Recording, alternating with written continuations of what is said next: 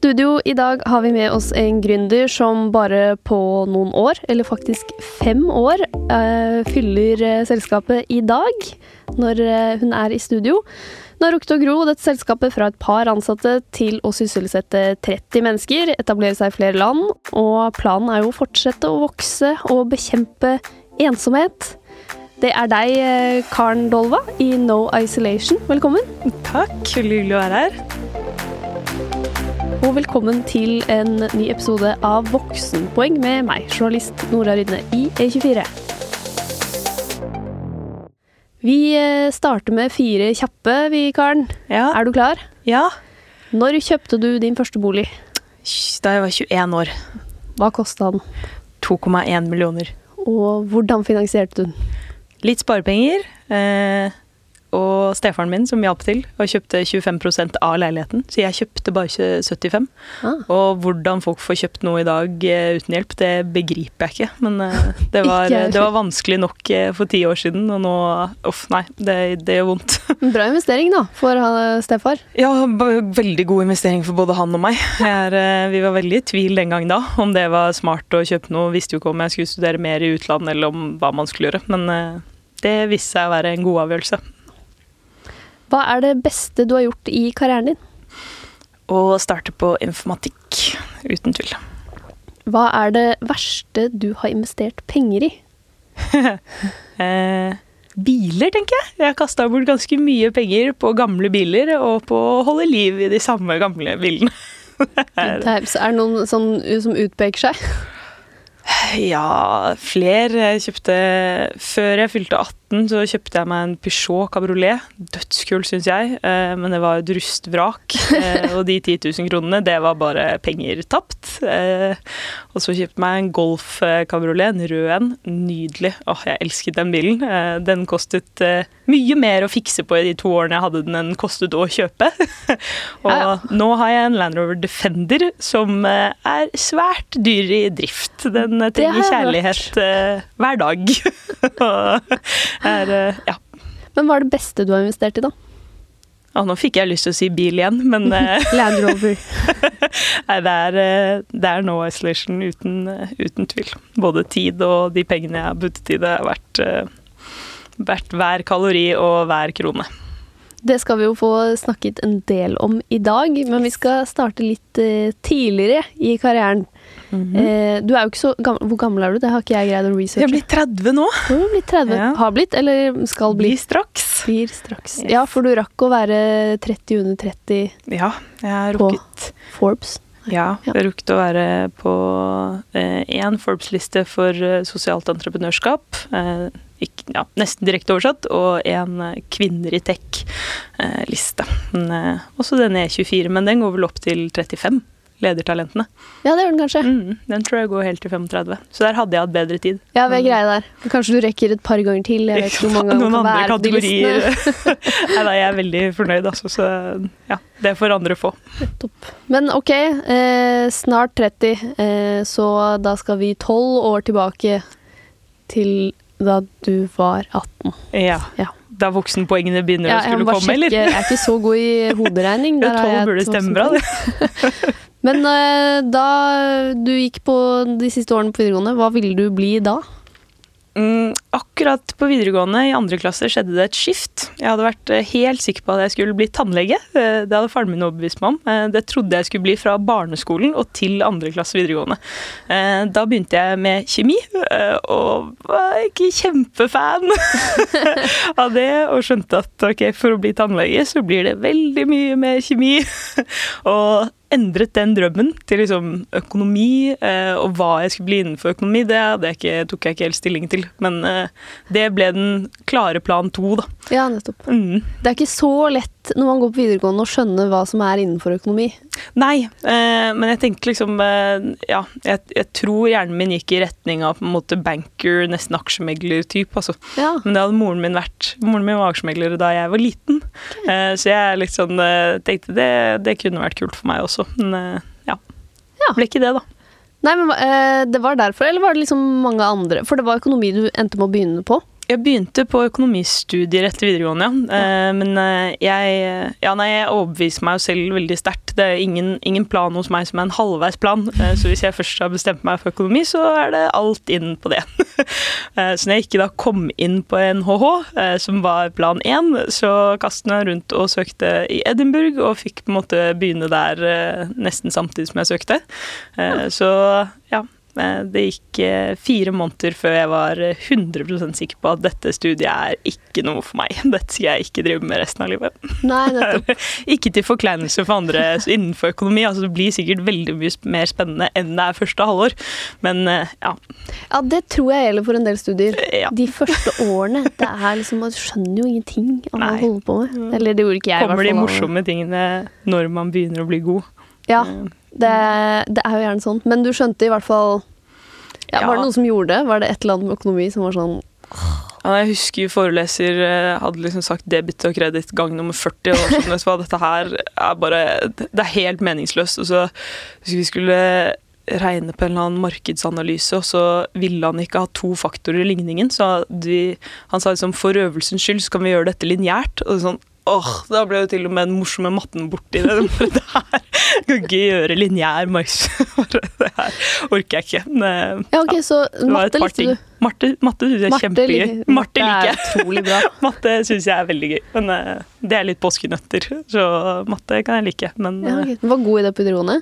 Mm, ganske. Aldri best. Men jeg er, litt, jeg er ganske dårlig på å konsentrere meg over lengre tid, så jeg liker påskenøtt siden av matte, altså logikken mm. av det. Men det å være nøyaktig, eh, det er ikke helt for meg. Og gode matematikere er jo pinlig nøyaktig, så en god matematiker blir jeg aldri. Men det trengte du ikke. det trengte jeg ikke! Yay. Men hva skjedde da? Du slutta i Edinburgh og NBN? Uh, and then, da dro jeg tilbake til uh, Oslo, fikk kjøpt den leiligheten. Uh, og hadde et halvår hvor jeg jobbet fulltid, som også var en god grunn til at jeg fikk kjøpt tidlig, for jeg var i full jobb, så jeg fikk jo lån. Eh, men eh, så var det en venninne av meg som nevnte informatikk. da. Hun hadde begynt på Universitetet i Oslo, og hun trivdes veldig godt og var overbevist om at jeg kom til å elske det. Eh, så jeg tror ikke hun brukte veldig mange setningene, for jeg hadde på en måte ikke noe annen plan. Så det var veldig lett å overbevise meg om at dette, dette er kanskje noe jeg burde prøve. Ja, For du var jo full jobb da. Hva, hva jobba du som da?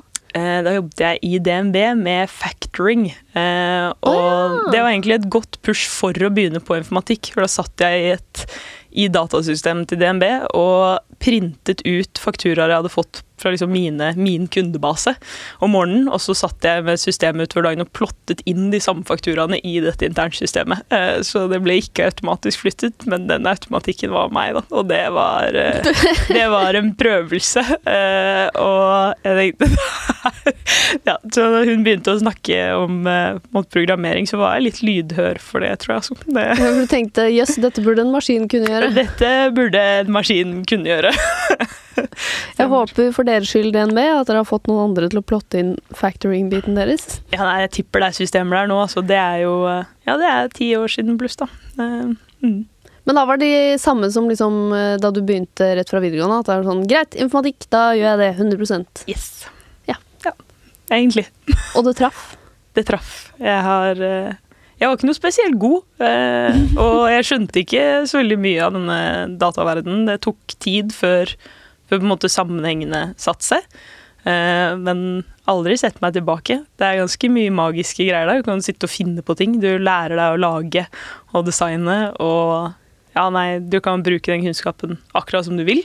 Uh, og det syns jeg Det var magisk. Det er noe man uh, Jeg ikke hadde kunnet sett for meg at man kan gjøre med på en måte tall og prosess, og plutselig sitte igjen med, med det som er ja, ekte skyskrapere, da. Bare bygninger du ikke kan se, på en måte.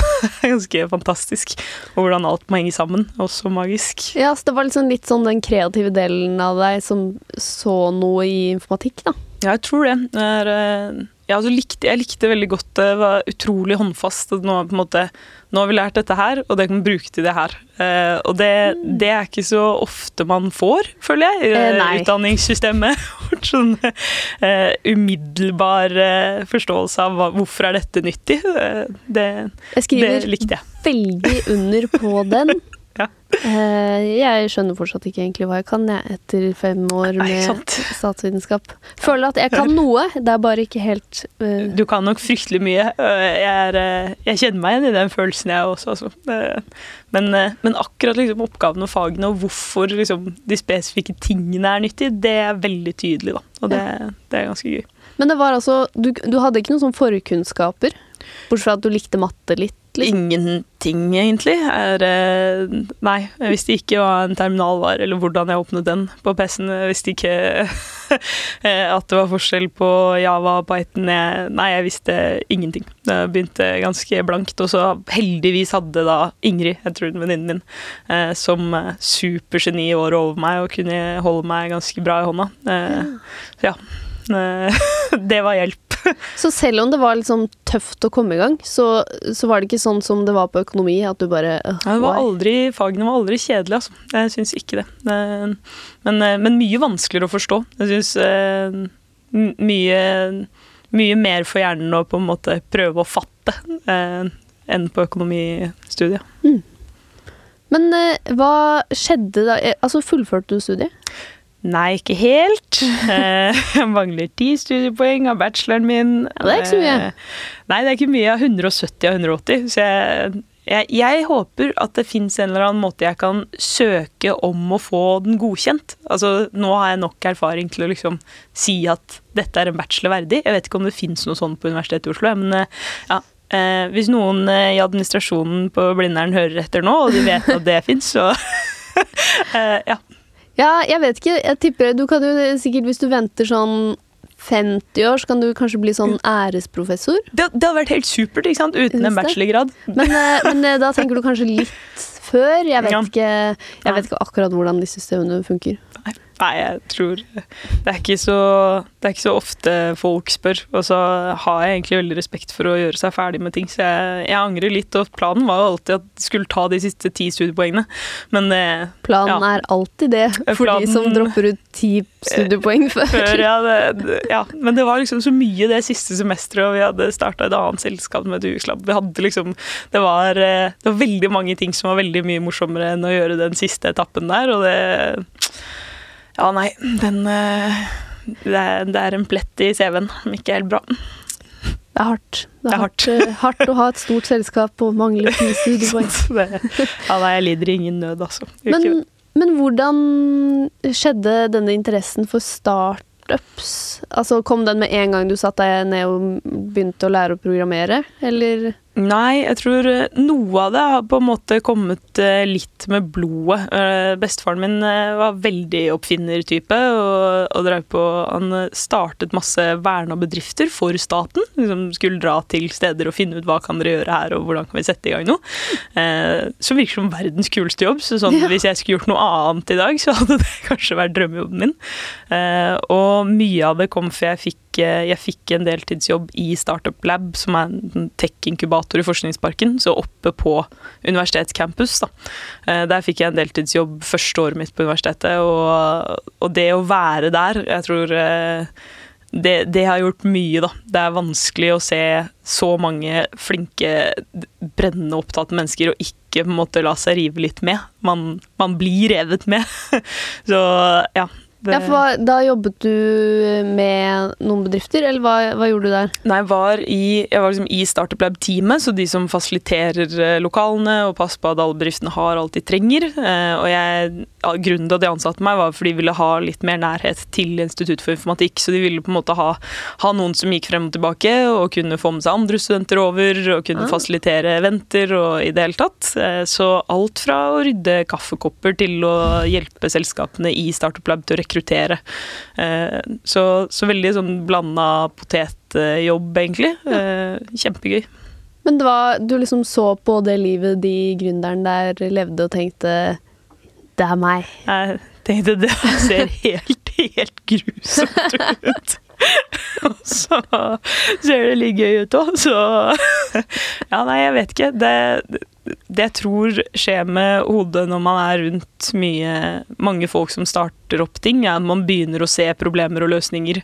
Og begynner på en måte å få en sånn åh, det kunne man løst sånn, og eh, tank, tankegangen blir litt sånn som formet av de du er rundt. Eh, så, så når på en måte jeg og fire medstudenter så at de aller aller fleste startupene her de gjør egentlig ikke brukertesting ordentlig. Eh, de har ikke ressurser på teamet som kan brukeropplevelse. De, de spør moren sin om liksom, hva syns du om dette. Eh, så det er ikke nødvendigvis liksom en satt prosess. Eh, og vi, vi kom jo ut av, rett ut av universitetet og tenkte vi er best i alt dette her, så vi kan hjelpe folk. Og startet jo da, Det var sånn det første selskapet ble til. for du, du går på en måte og å se problemløsere hele tiden, får veldig lyst til å bli problemløser selv. Eh, og så dette problemet og tenkte dette, dette kan vi fikse, da. Eh, og sånn ble UX-lab til, da. Eh, og der eh, Jeg var bare med et år der. Eh, skammet meg egentlig veldig over at jeg ga meg etter et år, men jeg tror det var helt riktig. Var, ja, for det var, ikke, det var startup, men det var ikke du har startet med en konsulentselskap, ja. eh, og så var vi Vi hadde fem stykker som på en måte starta uten å vite noe om hva det er å starte et selskap. Eh, som er en ganske tøff læringskurve på å gå seg til hvordan jobber vi med hverandre, hvordan ansetter vi folk, hvordan, hvordan funker ledelse når vi på en måte er fem som skal være relativt likt, og så skal vi få flere, og så hvem, hvem henter inn prosjekter, er vi alle nå designer, eller er vi Ja, jeg tror der kommer nok erfaring veldig godt med, da. Eh, ja. Men jeg er veldig imponert over de to som måtte ble og sto i det over lang tid og holdt på med UX Lab i, i mange år, og det, de fikk det jo faktisk til. Så jeg syns eh, det er ganske stilig. Tøft av dem. Mm. Men du angrer ikke på at du gikk ut og ikke var med dem på reisen? Nei, jeg tror, jeg tror, kanskje den reisen hadde blitt dårligere for dem hvis jeg hadde blitt. Jeg var, eh, jeg var på en måte veldig rastløs og hadde lyst til å gjøre alt mulig rart. Eh, og, og så på en måte få meg verdens ekspansjon og alt mulig som overhodet ikke passet inn der. Så jeg, det, det, hadde jo bare vært veldig dumt å, å følge mitt hjerte. Ja. Så jeg tror ikke jeg skreik så veldig høyt om det heller. Bare det var, det var ikke riktig, da. Og så tror jeg at jeg som konsulent er det er ikke helt eh, Nei. Jeg, jeg, blir litt for sånn obsessed, så jeg vil drive med det jeg kan obsesse over. Ikke sant. Men det høres ut som en egenskap som er bra som gründer, da. Å obsesse litt. Ja, nei, det har vært fint i No Isolation, altså. Det har det. det. Men her kan du jo bare drive på, drive på, drive på. Eh, eh, I aller beste fall så driver vi jo fortsatt på om 30, og 40 og 50 år. Så det, det vil jo helst ingen ende ta. Mm. Det, men kan ikke du forklare, for No Isolation ble jo det andre gründerprosjektet, og det som du eh, holder på med nå, og ja. kanskje skal holde på med fremover. Resten av livet. Ja. ja. Hva er Jeg kunne jo forklart nå hva No Isolation er, men jeg tenker siden du er her, så kan du ta den oppgaven fra meg. Ja, jeg gir det et forsøk. Eh, ok, Så No Isolation, vi, vi, prøver å leve opp til navnet vårt eh, og redusere sosial isolasjon og ensomhet. Eh, og vi gjør det gjennom å utvikle varm teknologi. Eh, og vi, vi velger på en måte ut problemer, grupper i samfunnet som statistisk er mer sosialt isolert enn resten av befolkningen, eh, og forsøker å finne løsninger. Eh, og Så langt har vi gjort det to ganger. Eh, så for unge langtidssyke, da har vi bygd den telepresence-roboten av en. Og så har vi gjort det for seniorer, eller egentlig ikke noe med alder å gjøre, men de som ikke er komfortable med vanlige generiske verktøy. Da. Der har vi laget en, eh, en hardware-enhet som gjør at de kan prate med omverden uten å være teknisk kompetent. kompetent. Og så har jeg gjort litt research mm -hmm. og mhm. lest eh, meg frem til at din egen ensomhet var det som skapte ideen, og så snakket jeg med deg, og så viste det seg at det er bare tull. ja, tull og tull. Den, ja. Ja, nei, det er liksom ikke helt riktig, i alle fall. Jeg synes Det hadde jo vært en utrolig fin historie. Eh, sånn 'jeg har vært ensom, derfor startet selskap'. Det er veldig enkelt. Vi liker det veldig godt i media, eh, så det hadde vært deilig hvis du kunne bare stått i den løgnen, men eh, ja. Men det er greit å få sannhet nå, I guess. ja, jeg er veldig lei for det. Jeg har Historien har endt opp med å se litt sånn ut i media at de har vært ensomme og derfor ble No Isolation. og jeg, jeg tilgir journalister for at det, det er en veldig enkel ting, og særlig når jeg på en måte innrømme de har absolutt opplevd ensomhet, eh, og da blir den linja lett å trekke, da. Men eh, jeg, jeg vil nå heller si at egen opplevd ensomhet gjør det veldig mye lettere å seg til problematikken, veldig mye lettere å forstå hva er det egentlig som skjer med de gruppene vi jobber med. Eh, hvorfor, hvorfor finnes det så grusomme tall og statistikk av ensomhet. Bare det at man måtte oppleve høyere dødelighet og høyere risiko for demens og høyere risiko for hjertesykdom. Altså, hvorfor det? Og, og bare å ha kjent på over tid, da, være ensom selv, gjør at det blir veldig åpenbart at dette er ikke sunt da. Ja. Eh, ja, det, når kjente du på det selv? Jeg må spørre, fordi jeg er tross alt journalist. Ja, nei, jeg skjønner. Eh, jeg, det var verst universitetet og starten av på en måte starten av det å begynne på Blindern. Eh, der hadde jeg skyhøye forventninger. Jeg trodde Oslo kom til å være det Oslo jeg hadde forlatt. Eh, da jeg kom tilbake igjen, og brukte vel egentlig først det halvåret hvor jeg var i jobb på å kjøpe leilighet, trekke meg mer og mer for meg selv. Eh, og alle vennene mine hadde jo reist alle andre steder. De studerte jo overalt, de, ikke i Oslo. eh, og var veldig, veldig lett å være uavhengig. Eh, og det tror jeg er ganske farlig for mange som måtte flytte vekk fra fra hjemmet, da. At det at du ikke har tid til å svare på meldinger, det er helt greit. Alle antar at du bare er busy. Ja, ja. Eh, ja det å ikke kunne komme på middag, det er helt greit, fordi du, du har sikkert morsommere ting å gjøre. Eh, så når de unnskyldningene begynner å balle på seg, og måtte begynte på universitetet, og der var det jo ikke bare lett å få venner, det var kjempevanskelig. Eh, så selv om fagene var gøy, så var det Måte, det, det, er en jobb å skaffe seg et nettverk, og i hvert fall venner du kan bare være med.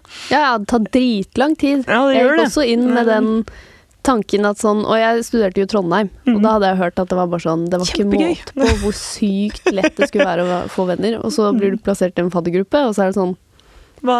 Hva er sjansen for at de ti random folka du blir plassert i gruppe med, er sånn My best friends for life. Nei. Nei ikke nødvendigvis. Må liksom bare vaske fram noen venner, og så tar det tror det tok meg i hvert fall et år før jeg syntes det var fett å være student. Ja, og i hvert fall et år før du plutselig sitter i sofaen og bare ser på film. ikke sant? Mm. Og den, den, type tiden der, da, den, den, er kjempeviktig. Og jeg tror eh, jeg, eh, jeg skjønte ikke at jeg gravde meg mer og mer ned. Jeg skjønte ikke at jeg på en måte begynte å bli deprimert, og jeg skjønte ikke at det jeg mangler, er å gå ut døra og kanskje være med på fest.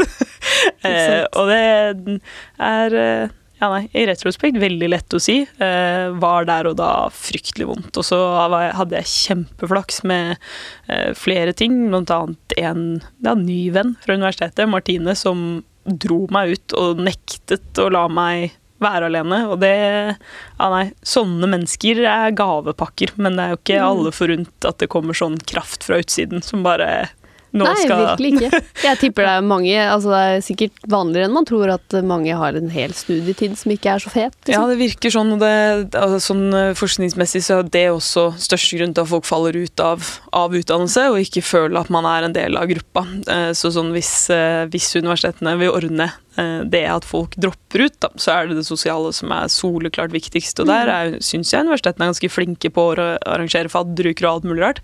Eh, men det blir eh, ganske spennende å se hvordan spesielt det studieåret her kommer til å ha utslag på hvor mange som fullfører, ja. fullfører studieløpet sitt. For det, ja, det her må være ganske tøft.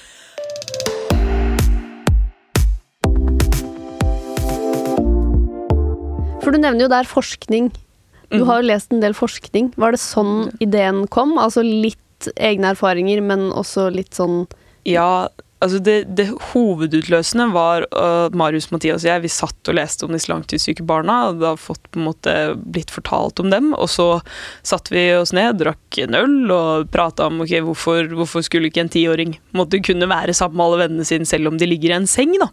Eh, og det kaninhullet der ble veldig dypt veldig fort. Eh, hvor vi blir sittende en hel kveld og bare google og prøve å lese oss opp på, på hva skjer med deg når du er liten og får en diagnose.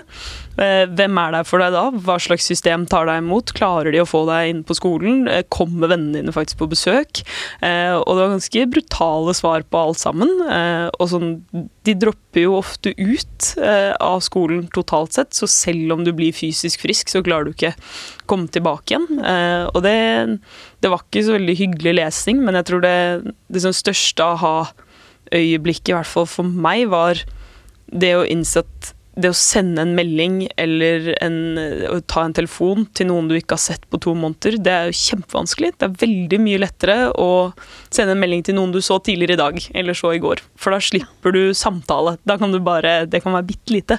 Eh, og det får jo ikke de barna her. Eh, de har ikke de små interaksjonene underveis i dagen, og det Ja, nei, den var eh, Det var tøff læring og egentlig en sånn Nå kan vi ikke ikke gjøre noe. Eh, så det var mer sånn og Isolation ble til at vi satt der sånn Dette her kan vi jo faktisk fikse. Eh, her, her, kan vi lage noe. Eh, det første vi trodde vi skulle lage, var et nettbrett med liksom håndtak og operativsystem for barn og sånn.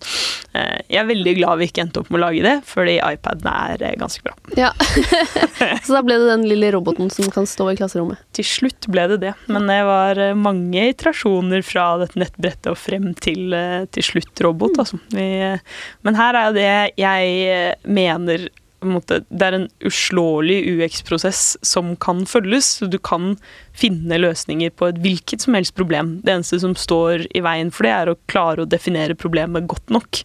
Eh, for jeg tror veldig mange prøver å løse altfor store ting på en gang. Eh, og ensomhet er jo Altså, det er enormt!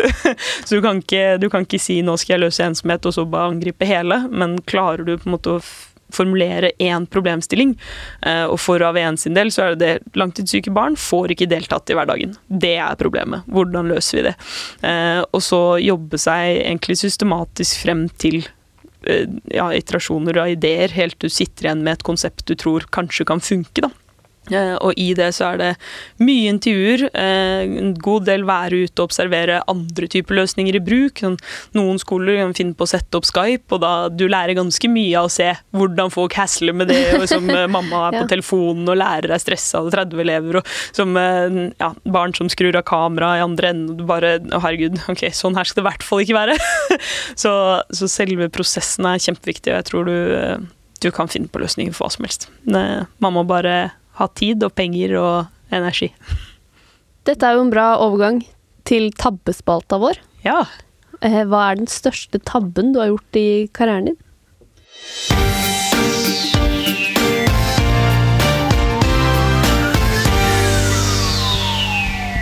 Vet du hva, jeg har, jeg har, tenkt så mye på det siden du inviterte meg hit. Eh, og jeg, eh, jeg syns det er nesten et helt umulig spørsmål å svare på. Eh, og jo mer jeg tenker på det, jo vanskeligere syns jeg det er å svare. Ja, fordi som alle gjestene våre, så er det sånn Men jeg har lært av alle tabbene mine, og det er greit. Riktig, ikke sant? vi, vi, innser at man lærer av uh, tabbene sine. Ja, nei, det er det som er, det er, det som er den vrien. Det er veldig få, få på en måte oppoverbakker jeg skulle vært foruten.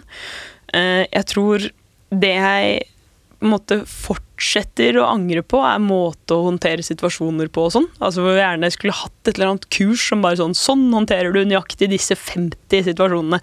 eh, og så er man dekket. Altså hvis du hadde solgt den boka, så tror jeg hadde Ble solgt Ja, det er neste Hvis No Isolation går dårlig, neste prosjekt.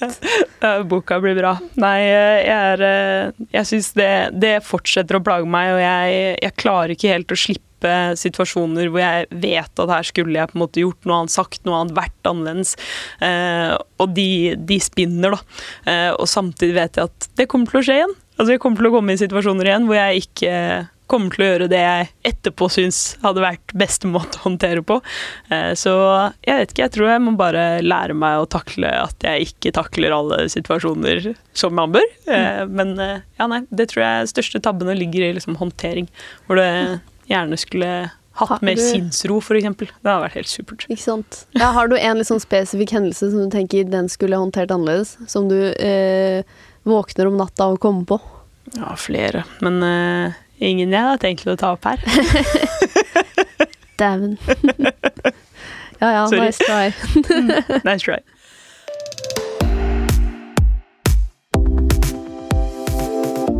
Men da dere fikk denne ideen til No Isolation, altså dere fikk snevra inn til eh, et problem som dere så at dere kunne løse, hva skjedde da? Det var deg, og så var det to medgründere? Ja, i utgangspunktet to medgründere, Marius og Mathias, og så kom eh, Anna med da, rett etter oppstart, som, eh, som er fjerde gründer nå, da. Ja. Mm. Og hvordan jobba dere? Dere jobba dere gjennom noen iterasjoner, som du sa? Altså noen ja. versjoner av produktet? På produktsiden. Eh, vi var egentlig veldig all in eh, fra dag én. Eh, Marius og Mathias hadde oppsigelsestid, eh, så jeg hadde et par måneder hvor jeg løp rundt på egen hånd i Oslo. Hvor vi møttes i helger og liksom skulle tenke hva som kom til å skje når 1. oktober kom og vi skulle på en måte begynne. Og gledet oss veldig til det. Mm, Og så var vi ute og hentet penger, egentlig nesten fra 1. oktober. Hva- Hvordan funker det? Er det sånn at man kommer opp med en såkalt uh, heispitch, og så drar man rundt til folk med penger? Ja, på en måte. Altså, jeg hadde heldigvis en god del nettverk fra Startup Lab, uh, så jeg hadde den glede av å kunne oppsøke et par av de på en måte vet, at, vet hvordan dette spillet funker, eh, og snakke med dem om, om hva tenker dere er smartest her. Eh, ble anbefalt konvertible lån sånn helt i oppstarten, og slipper du å prise selskapet. Eh, det er jeg veldig glad vi gjorde. Og så fikk vi måtte, første investoren vår kjente meg godt fra før, visste veldig godt hvem Marius var, så det var mye tillit. Og der fantes det vel egentlig ingen pitch i det hele tatt. Det fantes vel så vidt et selskapsnavn, og så var det på en måte Han tror på at vi kommer til å få til noe, eh, og så får vi se hva det noe blir. Eh, men eh, det var jo ikke de aller største summene heller, da. Men, men Ja, stilte- hvordan, hvordan overlevde dere, da? Sånn Nei, han stilte opp med 150 000 og fryktelig mye gode råd. Eh, og de gode rådene gjorde at vi klarte å hente totalt av den første runden fem millioner. Eh, og så ble det til sju og en halv, for noen kom med måtte etter at runden var lukket. Eh, og med de sju og en halv så hadde vi jo nok til å måtte få utviklet første generasjon av V1, få ansatt litt flere folk. Eh, og så hentet vi jo mer penger høsten etter det igjen. Ja, for da var det litt mer håndfast hva det skulle være. Da var det en veldig ordentlig Ja. pitch, og på en måte med det vi trodde skulle være businessmodellene våre, og med riktig markedsstørrelse, faktisk. Det er på akkurat markedsutregningen, der tror jeg vi var veldig gode. Så det, de har vel stått seg uforandret siden. Men eh, ja, den eh, runde to, der var det en eh, langt mer ordentlig investorpitch, da. Ok. Eller Men hvordan, hvordan var det de første årene? Altså sånn, det jeg alltid lurer på med folk som er gründere, så er det sånn Men hvor, hvor Altså, får man lønn? Da må man jo lønne seg selv. Hvor mye får man da? Hvor mye jobber man egentlig? Alt det her. Hvordan er det? Det er veldig gode spørsmål. Eh, vi var veldig tydelige, og det var mye pga. medgründeren min Marius. Eh, en god del eldre enn eh, meg, og han måtte ja, fra dag én Hvis ikke vi kan ta ut lønn, så er ikke dette liv laga. Hvis vi skal hente penger, så skal det gå til lønn til oss, for det er på en måte vi som bygger verdien her. Det er ikke noen andre som kommer til å gjøre det. Eh, Så vi tok ut lønn fra på en 1. oktober, men ikke mye, da. Nok til at du har husleie og klarer å kjøpe deg en øl på fredag hvis du har lyst til det. på en måte. Så eh, det, jeg tror det er viktig. eh, Og det det gjorde med oss, var egentlig at vi aldri jobbet med andre ting. Altså, du har lønn fra dette selskapet, så du kan vie all din tid til det. Jeg har sett ganske mange selskaper i blant annet som, som tar konsulentoppdrag fra siden fordi de skal bootstrappe, og, og det kan godt hende at det funker for dem, men jeg var veldig takknemlig over at alt fokus til alle som jobber i No Isolation, det er på No Isolation. Bootstrappet, hva er det? Mm, dra seg opp etter bukselen, da klarer du deg på en måte på egen hånd. Du Ja, trenger sånn, ikke ja. å- Uten investor. Ja, for Ja. eksempel. Mm. Aha. Men eh, det har jo ikke vi gjort, da. Har uh, Og så har dere jobba ekstremt mye, antar jeg. I starten jobbet vi ekstremt mye, men da er det jo nytt. Så jeg tror første halvannen-to årene så var det nesten døgnprosjektet. Jeg tenkte ikke på noe annet og gjorde bare No Isolation. Og så går det to år, og så begynner du å bli ganske sliten av det og skjønner at dette er et maraton, ikke en sprint. Må ha én venn utenfor selskapet også. Må liksom eh, av og til spise noe annet enn takeaway. Må, må innimellom sove ut på lørdager. Jeg tror første regelen vi lagde oss for liksom fri fri, fri, og passe på at vi ikke jobba for mye. Da tok vi fri på lørdager. Ble vi enige om at ok, vi skal aldri jobbe på lørdager, fordi det er den dagen du får handle ting. Vi kan ikke fortsette å gå i de samme klærne som alltid. Vi må ha, må ha noe sånn eh, rom for familie og sånn. Eh, og nå er det jo fulle vanlige helger, som jeg syns er kjempedeilig. Det er, eh, med en gang vi begynte å få en del ansatte, da ble det egentlig viktig at nå har vi arbeidsmiljøloven er der av en grunn. Eh, og egentlig egentlig er forskning ganske klar på det her også, at du har på en måte et begrenset mengde energi i deg hvor du er produktiv og leverer kvalitet og alt sammen. Så jeg merker veldig godt at den mailen jeg sender åtte om morgenen, er fryktelig mye bedre enn den jeg sender ni om kvelden. Så det å på en måte si at nå er jeg ferdig for i dag, dette gjør jeg i morgen, eh, gjør ofte at du både gjør det du skal gjøre litt fortere, så du slipper å sitte i fire timer med samme greie, mm. og du gjør det veldig mye bedre. Så ja, nå, nå er ganske vanlig arbeidstid. Sikkert litt, ja. men ja. Nå som reisende ble borte, ble det veldig mye, mye hyggeligere. Ja, ikke sant? Uh, ja, ja, det kan jeg se. Ja, for det, jo, det, hjelper kanskje å få litt sånn vanlige ansatte òg. De må jo forholde seg til arbeidsmiljøloven. Nettopp. Og hvis du har et Og der har Anna, da, medgründer Anna, vært kjempeflink på at jeg f.eks. kan ikke sette verdens dårligste eksempel, og hvis jeg, hvis jeg, sitter på kontoret til klokka åtte og ni hver kveld, så kommer det til å bli en kultur for at folk skal gjøre det. Uh, og jeg tror ikke det er sunt. Jeg tror det, det er mye sunnere å tenke shit, nå skal jeg gjøre en kjempegod jobb, og så skal jeg gå hjem når jeg er ferdig. Uh, og da jobbe effektivt istedenfor å sløse bort halvdagen på, på, internett og så vite at jeg må sitte her til åtte. Samme hva, så jeg trenger ikke å gjøre det ennå, jeg kan gjøre det etterpå. Ja. jeg, tror, jeg, tror, det er viktig å være veldig bevisst på, på det, da, og hva slags utslag det har. Mm. Hva, hva på en måte gründerteamet gjør, da, hvordan de oppfører seg. Men hvordan eh, Dere har jo på en måte Jeg vet ikke når man kan si om et gründerprosjekt at det har lykkes, ja, men dere tjener penger i hvert fall. Det gjør vi. Eh, eh det er en god milepæl. Lykkes beror jo på hva som er suksess, eh, og der er vel Det, det er mange som kan leve av det, da. Det er jo det er på en måte ja, Det var en god måte å si det på. Ja. Mm. Men hvordan har dere fått til det, tror du? Sånn helt i starten, hva var det, hvilke grep var det dere gjorde mm. uh, som du tror liksom la grunnlaget for at dere kunne få det til? Da? Jeg tror vi uh, En av de tingene vi gjorde som var veldig riktig, var å snakke mye om hva slags bedrift er det vi har lyst til å skape. Vi var veldig enige om denne visjonen vår. Uh, så samme hva som på en måte kommer av uh, Fins det et norsk ord for curveballs? Um, ja. Veldig godt spørsmål. Kurveball? Kurveball? Eh, jeg tror ikke det er riktig, men vi kan Nei, si hva, hva ja, enn Uforutsette hendelser. Ja, hva enn som kommer av uforutsette hendelser, så, så, skal vi på en måte være tro mot no isolation. Eh, det er viktig. Det har hjulpet oss gjennom ganske mange nedoverbakker, hvor på en måte å holde fokus på, på endemålet. Eh, vi har vært eh, ganske gode på å prate med hverandre om at vi må prate med hverandre. Altså Hvis det er noe, så, så skal vi prate om det. Er det litt sånn parterapi for gründere? Ja, på en måte. Litt mellom oss selv, da. Eh, og så tror jeg vi vi var jo på en måte en god blanding. Marius, Mathias, Anna og jeg er Anna og jeg er litt like, men veldig forskjellige personligheter. Men veldig forskjellige, alle fire, da. Det tror jeg også er sunt, for det var ikke noe eh, Ja. Eh, det var ikke noe åpenbart at vi alltid skal være enige med hverandre og sånn, og det er kjempefint. Da får du på en måte en diskusjon i den kjernen som Du slipper å bli bare utfordret av omverdenen på det man i kjernen er helt hellig overbevist om at det er riktig, da. Mm. Eh, så hvis vi først var hellig overbevist om at dette var riktig, så er det gjerne resultatet at vi har faktisk diskutert hvorvidt dette er riktig eller ikke. Det er ikke bare alle som som uh, har gått på samme skole og tenker liksom det er det. Og det, det, tror jeg det tror jeg har hjulpet oss masse. Uh, og så, ja, hva mer? Vi har eh, jeg tror det aller aller viktigste å gjøre, er bare å holde ut. Altså. Det, det, kommer så mange kjipe dager og uker og hvor du bare har lyst til å kaste inn kortene, og så må du bare bite tenna sammen. Det, det er nok der det der det stopper ofte. Og så har vi hatt veldig flaks, det skal også legges til. I menneskene vi har fått med oss på laget, i timingen, markedet, det er mange, mange ting som er flakselementer òg. Ja, sånn er det vel alltid også mm. for gründere, du må treffe på en del. Men mange går jo i den liksom fella f.eks. at man er så forskjellig at at man ikke orker å jobbe med hverandre. Mm.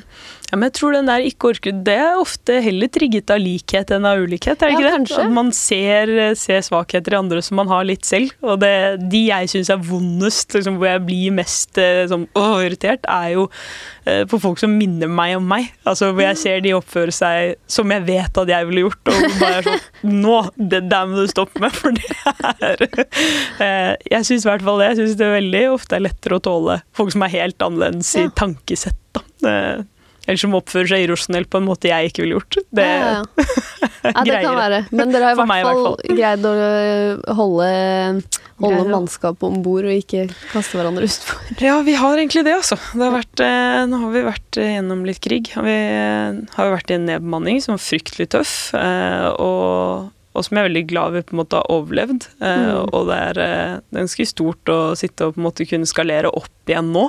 Eh, og ha veldig æresfrykt for hva det betyr å, å ansette nå, etter å ha måttet la folk gå. Det, det er ikke noe hyggelig, hyggelig prosess å være i. Nei, Men, eh, ikke for noen. ikke for noen. Eh, og så er jeg, jeg skal være siste som eh, klager i den rekka der, men eh, jeg er eh, allikevel det, Man får litt respekt for, eh, for hva det er å ha ansatte. Det, ja. mm. Og du er jo, du er jo sjef. Eh, dere er jo medgründere.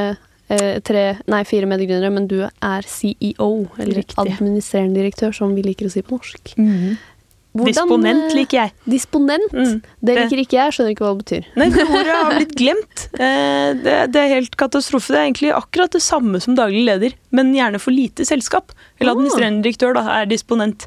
Eh, Det høres jo mye fetere ut, da, med admdir. Admdir, ja. Ja. Det var det folk syntes. da, Karen disp. Disp. Ja, men Det var derfor de sluttet å kalle seg disponent. For det var gjerne brukt om, om administrerende direktører for mindre selskaper. Hmm. Sånn jeg har skjønt ifølge Wikipedia. Ja, altså, jeg kan Eh. godt begynne å omtale deg som det, hvis du Jeg syns disponent er litt stilig. Litt Ja. mindre snørrhovent. Eh, administrerende direktør for 30 stykker. Liksom. Men da må du jo liksom sette deg liksom hva blir, hva blir Hvor mange ansatte må du ha før du oppgraderer deg til Administrerende direktør. Nei, jeg vet ikke. Kanskje 1000. Tusen, ja. Ok. Ja, da, er det, da er det mange admindirer der ute som jeg skal begynne å kalle disponent. Ja, det er, yes! Men dette skal jeg huske. Nå har jeg lært noe. Takk. For du satt litt folk på plass, ikke sant? Ja. Admindir, sier du? Jeg vet ikke hvor grensen fra mellomstort til stort selskap går, jeg. Hva som er på en måte tallet på det. Jeg vet ikke om det er noe For du har jo SMB en god stund, og så er det jo noen få som på en måte havner utenfor små Ja. og mellomstore bedrifter. Vet ikke hvor det tallet går. Men jeg ville sagt at disponentgrensa går der. børsnotert. Ja. På Oslo Børs og ikke Men merker. da kan det jo være fem ansatte og fortsatt eh, Ja, det er kanskje sant, det. ja. Ja, den der skal jeg tenke litt på. Men du ble i hvert fall sjef. Var det noe eh, Var det helt åpenbart at det var du som skulle være det? Både ja og nei. Eh, Jeg tror det var eh, åpenbart at det på papirene til Brønnøysund av oss tre var meg. At den skulle fortsette å være meg, var i hvert fall ikke helt åpenbart for meg. Eh, Men nei, det, det ble nå engang sånn. Og så har jeg jo både trives og på en måte fått lov å gjøre det, så jeg eh, Nei, jeg vet ikke. Det, det bare ble sånn. Veldig lett å bli CEO når man deler ut titler selv. Liksom. Ja, det var ikke noen sånn kamp at noen hadde veldig lyst? Overhodet ikke. Eh, Det var helt åpenbart at Marius skulle være CTO, eh, og Mathias eh, har ganske tydelig uttrykt at det er han uinteressert i, både den og CEO, så ja, nei, det, Så du er på en sånn. måte som en sånn borettslagsstyrer, du? Ja, det, ja, det, sånn, det, I starten veldig, veldig likt det. Noen må ha den. det er sånn Greit. Eh, ja, litt sånn. Men eh, ja. Okay, Men Nå da måtte det- du jo Da måtte du lære deg å lede, da. Hadde du noen lederambisjoner? Jeg jeg kan ikke si det. Jeg har Nei. ikke som, satt meg ned og noen gang tenkt at det er det jeg skal bli. Eh, men har syntes at det har vært både spennende og vondt og gøy og grusomt. Så det Ja. Alle følelsene har fulgt med. Ja, for hvordan, hvordan lærer man seg når man bare plutselig blir leder, og så til slutt ender nå med 30 ansatte og kanskje skal det bli flere? Hva, Man, eh, hvordan gjør man det? hvis man er veldig heldig, så har man med seg en medgründer som Anna, eh, som måtte komme inn i No Isolation med ganske mye ledererfaring, eh, og som har ryddet veldig mye i hodet mitt. Eh, lært meg bl.a. hvordan jeg skal være raus, som jeg syns var kanskje mest spennende å innse at jeg ikke nødvendigvis er naturlig. Tror jeg er veldig raus på sånn Hvis du vil ha pizzastykke eller hvis noe sånn, sånne greier Herregud, vi har aldri vært gjerrig, men det å være raus på at du trenger å gå hjem klokka to hver fredag uten at det skal trigge noe i meg, eh, det, det har tatt litt tid, og det har vært ganske spennende reise å være på, og jeg tror ikke jeg er i mål. Men, eh, men det å vite at måtte, folk, folk trenger helt forskjellige ting, folk eh, leverer på forskjellige måter, du må, du må ha rom for alle, og du må, du må unne folk plass, da. Eh, å være raus sånn, det har, vært, eh, det har vært mye læring. Men eh, der har Anna vært veldig flink. Og hvordan altså på kommunikasjon og hvordan jeg skal sortere i hodet mitt hva, jeg sier når, og hvordan jeg skal klare å på en måte Ja. Jeg har veldig veldig behov for å finne på nye setninger alltid. Eh, ikke si det samme som jeg sa for fem minutter siden, selv om det er akkurat samme beskjed som skal gis. Så ja, nei, det, jeg har fått eh, god trening eh, i selskapet, da. Tolker jeg dette riktig hvis det betyr at du har fått mye kjeft av Anna? Ja. Jeg har fått veldig mye kjeft. veldig mye kjeft. Eh, og veldig mye kjærlighet. Så det er på en måte kjeft og kjærlighet sammen. Eh, og det er jo Hun er jo min beste venn og på en måte nærmeste mentor. Ja, det hjelper jo. Eh, det hjelper.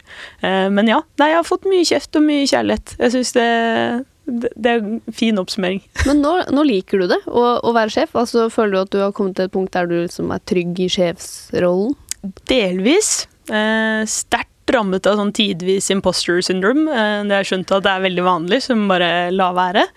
Ja, jeg føler at jeg har funnet ut at nesten alle har det. Nesten alle har det. Og de som ikke har det, er ja, de, muligens psykopater. Ja, ikke sant. Der er det noe gærent. Ja, nei, jeg er eh, innimellom litt, litt handikappet av det, men eh, ellers så syns jeg eh, jeg syns ikke ansvar er vondt å bære, eh, og det er jo kjempeflaks. Eh, så jeg har ikke noe problem med at måte, det er mye ansvar som eh, hviler. Det gir meg ikke noe angst eller noe som helst. Jeg Har aldri gjort, så det, det er vel egentlig mer flaks i boka. Jeg syns det er utrolig hyggelig å vite at jeg kan gjøre noe med ting. Altså hvis noe Hvis kulturen i selskapet skulle være noe gærent, så har jeg faktisk makt til å gjøre noe med det. Det, det setter jeg pris på. Jeg ja, det er mange ting jeg liker. Uh, men uh, det aller meste av hverdag, det kunne jeg godt vært foruten. Det er mye liksom uh, nitty-gritty greier som følger med det å skulle liksom være leder, altså. Ja, det er jo mye dirigering og planlegging og orging. Ja, det her stemmer. Nå. Men eh, litt artig spørsmål til deg som ikke egentlig ville bli leder. Eh, mm -hmm. Har du noen ledertips til andre unge ledere? Ja, det var det. ikke bli leder.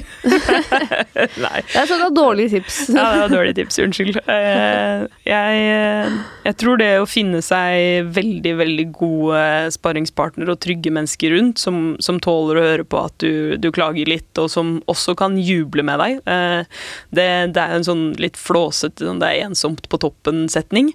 Eh, jeg tror nok ofte det kommer av at man, man har ikke noen som kan dele dele opp- og nedturer, eh, og det kan man skaffe seg, så det er ikke det at det må være ensomt.